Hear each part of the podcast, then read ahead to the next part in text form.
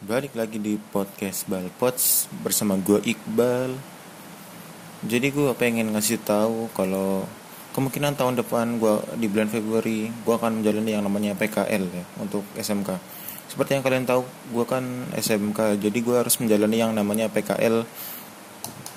PKL. Jadi buat yang belum tahu apa itu PKL, jadi PKL itu adalah kegiatan pendidikan atau pelatihan bagi siswa SMK yang dilakukan di dunia usaha atau dunia industri yang berkaitan dengan kompetensi siswa sesuai bidang yang digelutinya. Jadi karena gue di bidang multimedia, jadi gue industrinya ya industri yang multimedia, periklanan, desain atau animasi. Jadi berapa lama gue akan menjalani PKL? PKL itu dilakukan selama 6 atau 10 bulan kira-kira.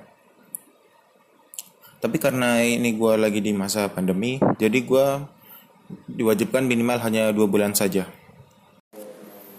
Dan apakah gue PKL akan digaji? Jadi nggak semua perusahaan itu mau ngasih gaji ke anak PKL-nya ya.